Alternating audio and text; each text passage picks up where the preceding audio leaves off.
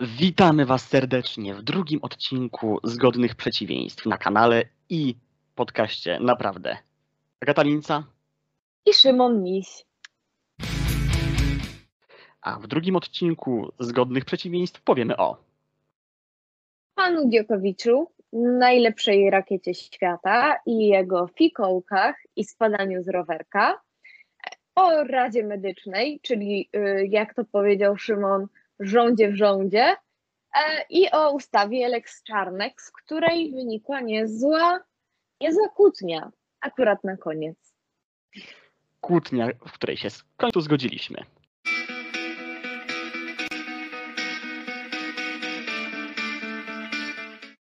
I zaczynamy od bardzo ciekawego tematu, trochę politycznego, ale trochę sportowego. Co powiesz Tak. więcej?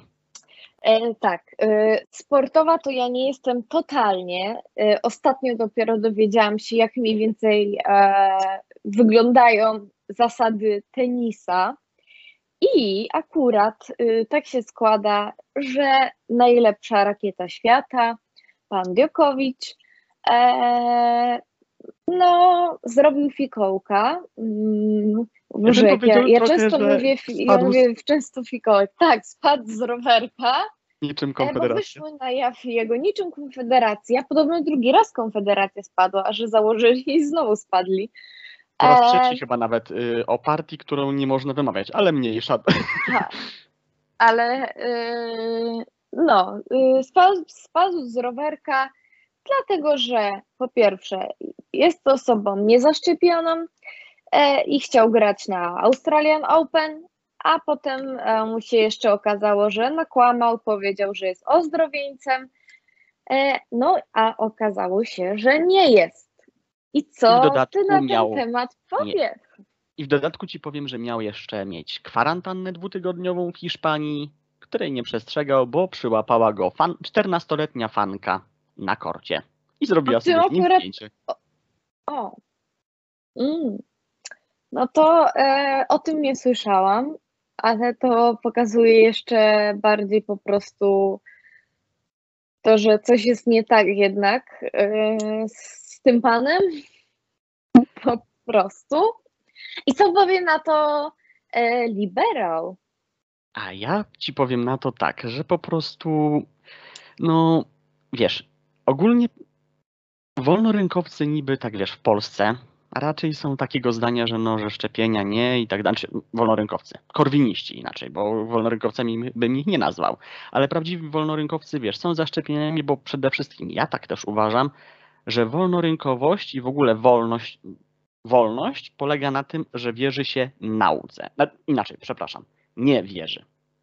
Wie się, że jest nauka. Po prostu. Nauka jest, z nią się nie dyskutuje, po prostu to jest trochę, może, nie, może powiem tra- trochę tak dziwnie, ale to nie jest, znaczy nauka nie jest czymś demokratycznym.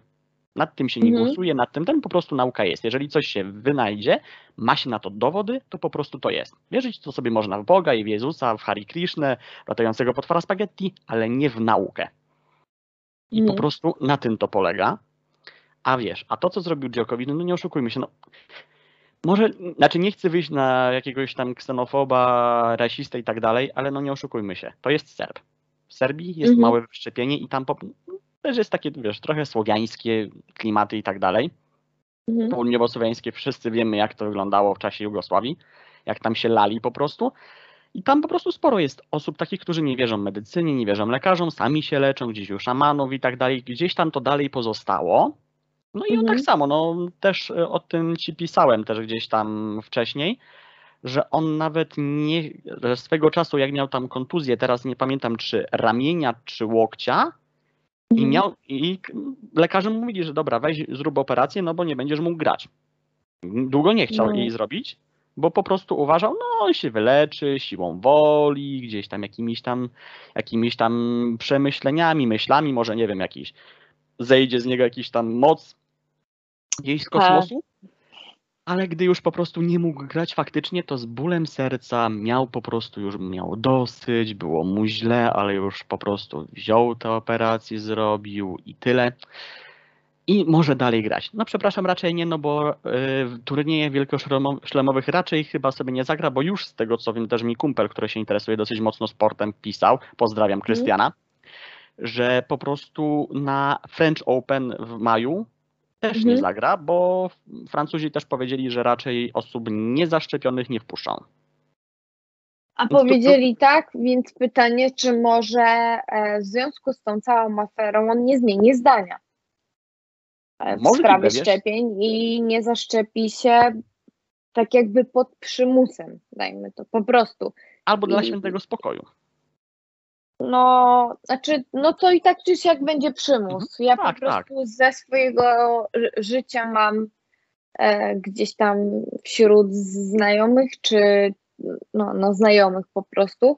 Wiem, że są też tacy, którzy są e, przeciwni szczepieniom, a tak jakby pod przymusem e, musieli się zasz, znaczy musieli się zaszczepić. Sami podjęli decyzję o zaszczepieniu, no bo zosta- zostały wprowadzone jakieś e, pewne zasady, z których ja się bardzo cieszę. Mm, Ja Ja, akurat wbrew e, zdaniu e, polskiej lewicy nie jestem za przymusowymi szczepieniami, jestem po prostu za, e, za, za segregacją sanitarną, czyli po prostu Segregacją to sanitarną. tak, to brzmi to tak, segregacją sanitarną, ale ja jestem za tą segregacją sanitarną i po prostu no, słuchaj, nie chcesz się szczepić, super, okej, nie szczep się, no ale sorry, e, będzie, e, będzie tak, a nie inaczej i no i będziesz musiał się w końcu, znaczy w, końcu sam podejmiesz tą decyzję, że jednak chyba warto się zaszczepić, kiedy nie wpuszczą cię znowu do kolejnej restauracji, do kina i będziesz cały czas wkładany na kwarantannę. Wiesz co, ja bym nawet tego nie nazwał segregacją sanitarną, bo powiem ci tak, ja ja to tak nazwałam No ja śmiesznie, wiem, dla jaj, dla tak jaj, ja wiem. Czy to się tak źle, to się w ogóle tak źle kojarzy, że to się Mhm. kojarzy od razu z se- segregacją rasową, no ale to wiadomo, że to Wczoraj jest oglądałem odcinek o doktorze Mengele i po prostu no wiem o co chodzi. Mhm. Więc to, oni porównują to po Doktor do doktora Mengele, Mengele. taki, to, jest taki, to jest taki temat mój Tak. ulubiony. Kiedy, kiedyś musimy go poruszyć no, w programie na pewno. Może w rocznicę wspomnienia, y, że tak powiem, tego doktorka. No, To by No. było dobre. Ale wie, wiesz co, wracając do tematu, powiem ci tak. Ja jestem za takim rozwiązaniem, jak jest we Francji, bo ja po prostu, wiesz, już abstrahując wiesz, od, od abs- absurdu po prostu nazywania tego segregacją sanitarną, dla mnie to jest po prostu ujawnianie hipokryzji tych ludzi, bo Mhm. najczęściej to są osoby, tak, też nasz rząd, kochany, wielce panujący na wieki wieków amen, uważa, że oni się boją y, protestów. Kobiet się nie Mhm. bali. Y, Wcześniej protestów antykowidowych, tam Brauna Tak. i czy tam protestów przedsiębiorców, które akurat tu ich popierałem troszkę, y, jeśli chodzi o Tanajno. Nie mówię, że o samą Mhm. istotę, no ale po prostu wiadomo, no rozumiem ludzi, którzy po prostu tracili majątek. mhm. Ale, no, ale no były te protesty, wtedy nawet ich jakoś nie pało. Ich akurat nie pałowano. O dziwo. I w tym momencie tak, mamy do porównania Francję. Wyszło na ulicę około 200 tysięcy ludzi. Mhm. W tym samym czasie, w ciągu jednego dnia, zaszczepiły się 2 miliony ludzi. 10 razy tyle. Więc co tu za problem? A znam też wiele osób gdzieś tam wśród znajomych, nawet w rodzinie gdzieś tam przy, przypadki, że oni, jeżeli musieliby się zaszczepić, bo na przykład, nie wiem, nie wejdą do pracy, nie, nie wiem, nie pojadą na wakacje, nie zrobią czegoś po prostu, bo będą potrzebowali paszport covidowy, oni się zaszczepią. Tak, Więc- ja też znam takich, ja też znam takich ludzi, znam też no przynajmniej jedną osobę, która e, musiała już to zrobić, bo chciała wyjechać Ja gdzieś za takich. granicę Mhm. i żeby uniknąć kwarantanny, stwierdziły, że no dobra, to już się zaszczepię, już dajcie mi spokój. No. A jak tam E, twój chip w ogóle, bo przyznamy się tutaj wam, że szczepiliśmy się trzecią dawką tego samego dnia, co prawda dwoma różnymi preparatami, ale Tak. działa, działa Nie, już ci, ci, ci 13, 13, no nie? 15, 13 15, grudnia. 15, 15. 15? Tak, tak, dokładnie, 15 grudnia. Równo miesiąc już praktycznie mamy. Ponad miesiąc. No, no. I, I jak mój chip? No, chyba dobrze się ma. No nie wiem, nie, ja, może tutaj już wy, wygadujemy jakieś bzdury. To co się dzieje? Na live nie wiem, czy słyszałeś, ale mam nadzieję, że będę mogła to usłyszeć. Mój kot wydał bardzo dziwny dźwięk. Tak? No, akurat Tylko, stu, pięknie. tylko stukot, tylko stukot. No, ale y, mój chip chyba dobry, y, chyba się dobrze, chyba się ma dobrze i, i co, no. Zobaczymy. y, Niebawem może zaczniemy wygadywać jakieś bzdury, może już wygadujemy i nawet sobie z tego nie zdajemy sprawy. To już Ja mam tylko nadzieję, że na, nam komentarze. YouTube nie za, i zajmie jakiś ten za to, że sobie śmieszkujemy, ale chyba nie. Najwyżej się wytłumaczę. No, a nie, nie, nie powiedzieliśmy co ten. A, no, Nie? a nie, no w sumie tak. Kurde, ale to byłoby bardzo ciekawe doświadczenie. Tak. O, to byłoby ciekawe. Dobrze, więc y, co, skoro już tak trochę o medycynie, No więc właśnie to o tym może wspomniałbyś, wspomniałbyś paroma słówkami, o co chodzi z Radą Medyczną. No, y, raczej chyba o y, już byłej Radzie Medycznej, no bo to są, znaczy w sumie cztery osoby na czele z profesorem Horbanem, który praktycznie on jest na każde zlecenie rządu. To Tak. chyba bardziej, ja bym go prędzej nazywał wiceministrem zdrowia niż y, członkiem Rady Medycznej, bo się tak w sumie zachowuje trochę, ale No to mogę ja bym powiedziała, że propagandista, po prostu propagandista. Ale to jest, Bo- słuchaj, ale to jest fucha Jacka Kurskiego, ty, ty, ty jego nie wywalaj znowu z pracy, bo znowu się obrazi. Tak, tak. Oglądałam próbę Jacka Kurskiego i tak już wychodząc z tego tematu tej, e, tej byłej Rady Medycznej, to e, oglądałam właśnie filmik, bodajże wczoraj, e, sprzed kilku, e, albo nawet może, no raczej kilku lat, e, gdzie, na którym Jacek Kurski mówi, że on to by nigdy nie chciał zostać e, prezesem telewizji Unajsztuba. polskiej. Unajsztuba w Politycy TVP. Tak, tak. O nie, on by 15 nigdy nie chciał zostać. Co mówisz? 15 lat zmienia ludzi, bo to było chyba w 2006 Tak? roku. No to ja właśnie, e, trudno mi jest powiedzieć, w którym to było roku, bo, e, bo trafiłam ten filmik w ogóle przypadkowo jakoś tak w internecie Mhm. e, i nie, nie doczytałam, który to był rok i nie zagłębiłam się w ten temat, Z tego, ale co, z tego co pamiętam, to tak, 2006 rok to chyba był.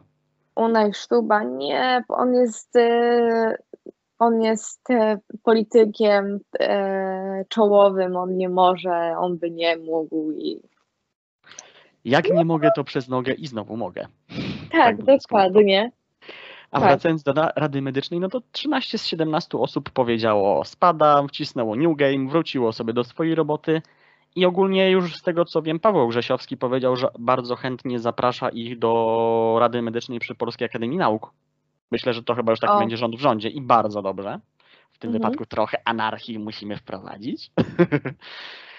I wiesz, no wcale się im nie dziwię, no bo jeżeli tak, jeżeli coś robisz, no to chyba każdy Oczywiście. coś robisz, robisz to dla ludzi to jest bardzo ważne w tym momencie, bo od tego zależy życie innych osób i ciebie się nie słuchają, to każdy normalny człowiek po prostu by w końcu nie wytrzymał i by po prostu się poddał, no bo no, psychika człowieka no tak działa po prostu, że no chce wpływać na coś, jeżeli ma na to teoretycznie wpływ. To jest dobre, to jest dobre, bo ja się z tą e, zupełnie zgadzam, e, jeśli chodzi, znaczy zupełnie się i totalnie zgadzam w tym temacie. I e, można tak nawet, powiem Ci, płynnie przejść do e, Lex Czarnek, Mhm. dlatego że y, jestem też po lekturze e, artykułu w Gazecie Wyborczej, e, który opisuje to, jak bardzo zbulwersowani są nauczyciele i nawet to, że e, w Warszawie wykonano badanie i 51% e, nauczycieli uczących w Warszawie jest, mm, rozważa zmianę zawodu, po prostu. Wcale im się nie dziwię, szczerze powiedziawszy. No oczywiście, że tak. No ja jestem. za takie e, pieniądze, za takie traktowanie. tak, to no. Ciekawa jestem, jak to będzie naprawdę wyglądało. E, są też przypadki właśnie nauczycieli, którzy jeszcze przez e, wspaniały Polski Ład stracili nawet 400 zł ze swojej pensji. I tak marnej. i tak marnej pensji. W ogóle jak pomyślę sobie, że osoby, które mają ogromny wpływ na twoje życie, na przyszłe wybory, e, no na, tak naprawdę no szkoła to jest drugi dom, no, taka jest prawda i, i zarabiają tak marne grosze, tak marne pieniądze, no to, to no jest, jest po prostu źle. Ta edukacja w Polsce naprawdę jest mizerna po prostu, patrząc e, w porównaniu z innymi krajami, no to e, no, ciężko, sła, słabo to widzę, naprawdę, jestem przerażona tym. E, gdzieś też by, były słyszalne głosy w sprawie tego, że gdyby odbył się strajk nauczycieli, no to na pewno by się coś zmieniło. No i ja jestem raczej przeciwniczką takiego myślenia, bo wydaje mi się, że mm, żaden strajk tego rządu nie pokona i oni się po prostu muszą sami rozwalić. Chociaż wiesz, co z drugiej strony to jest też ciekawe, ciekawe zjawisko, bo przecież ostatnio, znaczy, dobra, 15 lat temu, tro, znaczy tam było kilka w sumie różnych czynników, bo tak, ile, mi trochę się wypieli na Lepera i na Giertycha, i był strajk pielęgniarek, białe miasteczko to całe, więc w sumie nie wiadomo, co było tak naprawdę głównym czynnikiem też, który pociągnął Kaczyńskiego do zdecydowania się o przedterminowych wyborach. Ale w sumie to była jego tak, decyzja. ale to było wyborach. jednak, ale no to było jednak 15 lat temu, tak, wiesz, dla, nie, a... dla, wiesz, wiesz, dlatego, dlatego mówię, że jestem ciekaw. 16, no. No już prawie nie jest. Tak, Tak. ten czas leci. Ale wiesz, ale sam fakt, że po prostu jestem ciekaw faktycznie, bo te, też tak myślę, że po prostu oni sami muszą się rozwalić. Już Gowin był pierwszym jakby takim, który odszedł, Tak. Mhm. ale zdążyli jakoś załapać ten. Jeżeli tutaj Tak. by Ziobro odszedł, a podejrzewam, że znaczy z Ziobrą jest o tyle ten problem, że on ma, o ile Gowin nie miał takich ambicji, mimo że był, jest no, dosyć ambitnym politykiem, co by o nim nie powiedzieć, jaki ma kręgosłup, Mhm. to Ziobro ma jeszcze jeden cel. On ma swoją partyjkę tylko po to, żeby po prostu przejąć władzę po Kaczyńskim. I on tak naprawdę, moim zdaniem, czeka tylko i wyłącznie na śmierć Kaczyńskiego, no bo nie oszukujmy się, Kaczyński na emeryturę nigdy nie odejdzie. Oczywiście, że nie odejdzie. E, Ja bym raczej się nie posunęła do takiego, e, do takiej tezy, że czeka e, na objęcie władzy, bo no jednak myślę, że e, Solidarnej Polsce PiS dawno by się już sprzeciwił, dawno by ich chętnie sami wyrzucili, tylko że no, potrzebują ich do, do większości. Tak, tak, ty, tylko, tylko wiesz, to jest taki paradoks po prostu, że oni potrzebują ich do większości, więc muszą trzymać Ziobrę, a dzięki temu Ziobro Mm. rośnie, bo muszą spełniać jego zachcianki, co tym bardziej nakręca, bo powiększa grono jego ewentualnych zwolenników w PiSie, gdyby miał przejąć władzę, chociaż to i tak się nie uda, no bo po śmierci Kaczyńskiego, nie oszukujmy się, ale PiS rozbije się na przynajmniej pięć partyjek. Hmm, hmm.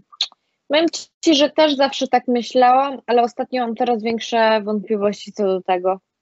I zaczyna mi Dlaczego? się wydawać, że czy do tego, że PiS się właśnie podzieli na jakieś pięć mniejszych partyjek, e, wydaje mi się, że oni są tak e, już zafiksowani tym, że mają tą władzę, że e, będą się po prostu trzymać aż do ostatniej kropli krwi, naprawdę. I będą się tak kurczowo trzymać, łapać tych swoich e, stołków, że To znaczy, wiesz, no raczej da wydaje rady. mi się, że Kaczyński umrze raczej będąc w opozycji, tak czy siak mi się wydaje, bo no mam nadzieję, znaczy w ja sensie mam mam, nadzieję, że mam nadzieję oczywiście, że, że po prostu nastąpi ten moment, że, że ta opozycja wygra, no ale uważam, że jeżeli się nie zjednoczy, to nie ma na nic szans. nie ma szans.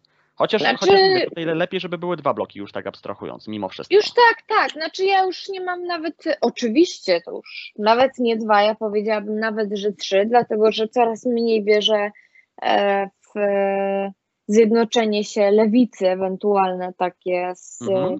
z koalicją, ale jestem, jestem, powiem szczerze, tak na dzień dzisiejszy nawet na 80% przekonana, że taka zjednoczona opozycja, zjednoczona opozycja powstanie.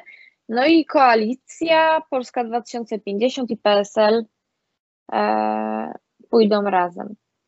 I to będzie taka zjednoczona opozycja, Mhm. i to będzie e, fajny już taki e, blok, Wybór. który tak, tak. I ja wtedy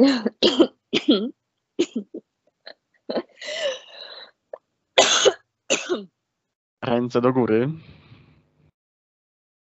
Jezu, co to było?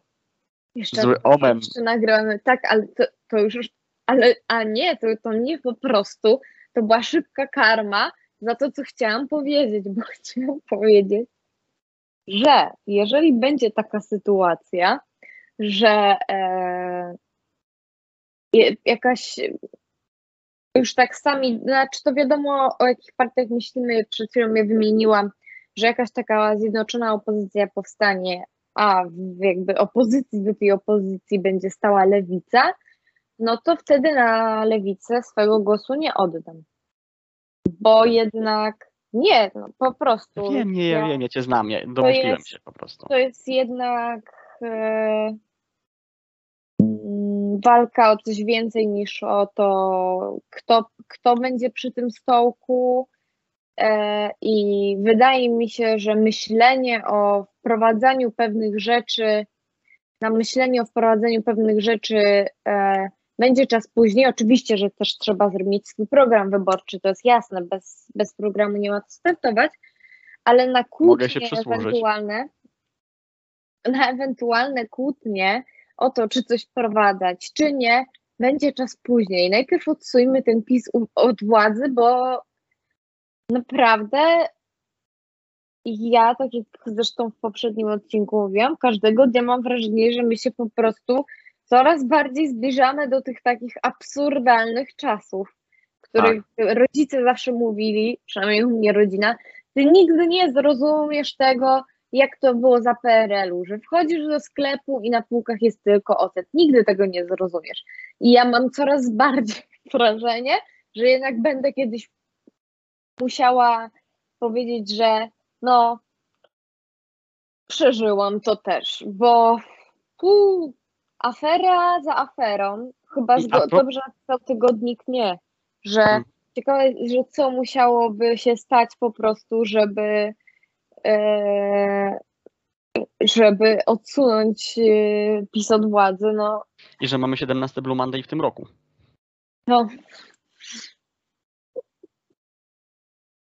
Tego nie słyszałam. A widzisz. O, no. Nie słyszałam tego, ale śmieszne, no. No, wiem. I wiesz co, ale a propos tego jeszcze też, co mówiłaś, yy, no mam u siebie w domu tak samo, tym bardziej, że w sumie w zeszłym roku sobie tak uświadomiłem, w zeszłym w sensie 20 roku sobie uświadomiłem, że Mhm. wtedy, w 2020 roku, ja byłem, gdy wybu- akurat a propos stanu wojen, wybuchu stanu wojennego, Mhm. wtedy byłem w tym samym wieku, co wtedy mój tata. No bo mój tata jest rocznik Mhm. 58, no to miał 23 lata, kiedy wybuchł stan wojenny, no to pod koniec 20 roku też miałem 23 lata i powiem ci, że Mhm. też u mnie w rodzinie to też było dosyć dobrze widać, a propos PRL-u. Bo mój dziadek od strony mamy był nauczycielem i Mhm. wiesz, i on zarabiał marne grosze wtedy, tylko że były inne czasy, no bo nauczyciele wtedy mieli faktycznie i autorytet i wszystko, że No tak. że po, fakt faktem, no, nie, byli niektórzy tacy, którzy by, bili po łapach i tak dalej, stosowali kary cielesne, czego nie popieram, ale fakt faktem, że nawet ci, którzy nie stosowali tych kar, mieli autorytet. Mhm. Jakiś tam też mniejszych społecznościach, tak mój dziadek też na wsi też miał jakiś tam autorytet i że po prostu, że robił bardzo dużo dla społeczności lokalnej i zarabiał marne grosze. Też poniekąd przez to, że nie chciał wstąpić do PZPR-u. No i też nie mógł Mhm. zostać kierownikiem po prostu szkoły. I mój tata jako rolnik, młody rolnik, potrafił zarobić kilkakrotnie więcej na sprzedaży świń, na sprzedaży bydła i tak dalej, na sprzedaży mleka, potrafił zarobić kilkakrotnie więcej niż nauczyciel. I o czym to No. świadczy? I my wracamy pomału do tych czasów. Nie mówię o rolnikach, bo rolnicy też dostają po tyłkach od tego rządu. Nie Ale- powiedziała, ale ja się bym powiedziała, że my jesteśmy w tych czasach już. Tak, Ale tak. to nie jest z Jeżeli- jeżeli PiSu, ale powiedziałabym, powiedziałabym, że jest to wina kapitalizmu i to może być pierwsza kwestia, z której się w końcu nie zgodzimy, e, że to jest kwestia po prostu, e, o nie, powiedziałam to tak kapitalizmu bardzo ogólnikowo, ale tych takich e, kwestii um, tych kwestii takich bardziej e, tego, że jesteśmy nastawieni na konsumpcjonizm i, i, i tego, że jednak te państwowe e, funkcje przestały mieć e, prestiż i no nie wiem, osoba, która zapiernicza po prostu naprawdę jak wół e, przysłowiowy, e, potrafi zarabiać jakieś marne grosze, a ktoś, kto po prostu e, nie zapracował sobie, tylko odziedziczył jakieś wielkie majątki. Ja mówię teraz o już takich e, nawet nie polskich pułapach, tylko takich światowych. Potrafi ktoś, kto po prostu odziedziczył sobie majątek, albo po prostu urodził się w dobrej rodzinie, nie musi robić nic, a zarabia takie wielkie pieniądze. No. I teraz trochę wrzucę kamyczek do ogródka, moja droga. Dawaj. Bo z drugiej bo ty mówisz w tym kontekście, a zobacz w ten sposób. Mhm. Dajmy na to, wróć, wróćmy do tych nauczycieli. Nauczyciel Mhm. jest głównie funkcją państwową. Zarabia Tak. przez państwo, dostaje kasę przez państwo. Wiemy, Mhm. jakie to są zarobki. Mhm. Są też nauczyciele pracujący prywatnie albo zarabiający sobie na korepetycjach i tak dalej. Oni sobie ustalają ceny i oni zarabiają kilkukrotnie, kilkukrotnie więcej. Mhm. Więc pytanie, czy ja w tym momencie to jest wina tego, że państwo nie dociąga do cen rynkowych, znaczy do, do pła- wypłat rynkowych tych nauczycieli, tak samo jest zresztą z lekarzami, czy wina Mhm. ludzi, że się na to zgadzają i tak jakby przyzwalają na to, że państwo płaci takie marne grosze budżetówce. A im więcej kapitalizmu będzie, tym teoretycznie dla nich lepiej, no bo oni zaczną wtedy więcej zarabiać, czyli będą się bardziej starać, będą lepiej uczyć. I w tym momencie pytanie, po co jest państwo? Hmm. Pociągnąłeś taką stronę, że, że nie wiem, co odpowiedzieć, w takim sensie, że. Uff, e, a w jaki sposób e, ci ludzie mieliby się sprzeciwić? Mówię, mów, jak teraz myślimy o nauczycielach. W jaki sposób oni mieliby się sprzeciwić temu, e, że zarabiają mniej, załóżmy, niż e, ci nauczyciele e, prywatni, tak to No powiedzmy. Albo zakładając, zakładając swoje szkoły, takie typowo prywatne, inwestując w to jakieś tam pieniądze, albo ewentualnie po prostu to, co robią już dzisiaj, czyli no masz przykład, y, chcą odejść po prostu zwyczajnie z zawodu i pójść gdzieś indziej, bo nawet idąc na kasę w- supermarkecie zarobią dwa razy więcej. E, To wiadomo, że mogą e, jakby zmienić pracę i iść gdzie indziej, do jakiegoś bardziej opłacalnego zawodu, bo mają do niego, mają taką jakby, wiesz, kwalifikację, że mogliby zmienić, załóżmy, pracę, a jednak też e, tego nie robią. Pytanie, czy to się zaraz zmieni, czy będzie mi przykład tego, że, że może być inaczej, ale czy zakładanie własnego biznesu to też nie jest tak, że wiesz, że, że to jest takie proste, żeby ten swój własny biznes założyć bez jakiegoś wkładu własnego. A skoro mówimy już o takich, a nie innych warunkach i o takich, a nie innych zarobkach, no to, to ciężko o wkład własny. Jeżeli nie oczywiście, jesteś, nie tak. wiem, konsekwentny, y, nie wiem, mm, nie, e, nie oszczędzasz sobie i tak dalej. I wiesz, i tu ewentualnie mogą wejść w rolę albo spółki, albo spółdzielnie po prostu. Wiesz, gdzieś tam zawsze te pieniądze gdzieś tam się odłożą, też kredyt jakiś ewentualnie by się wzięło.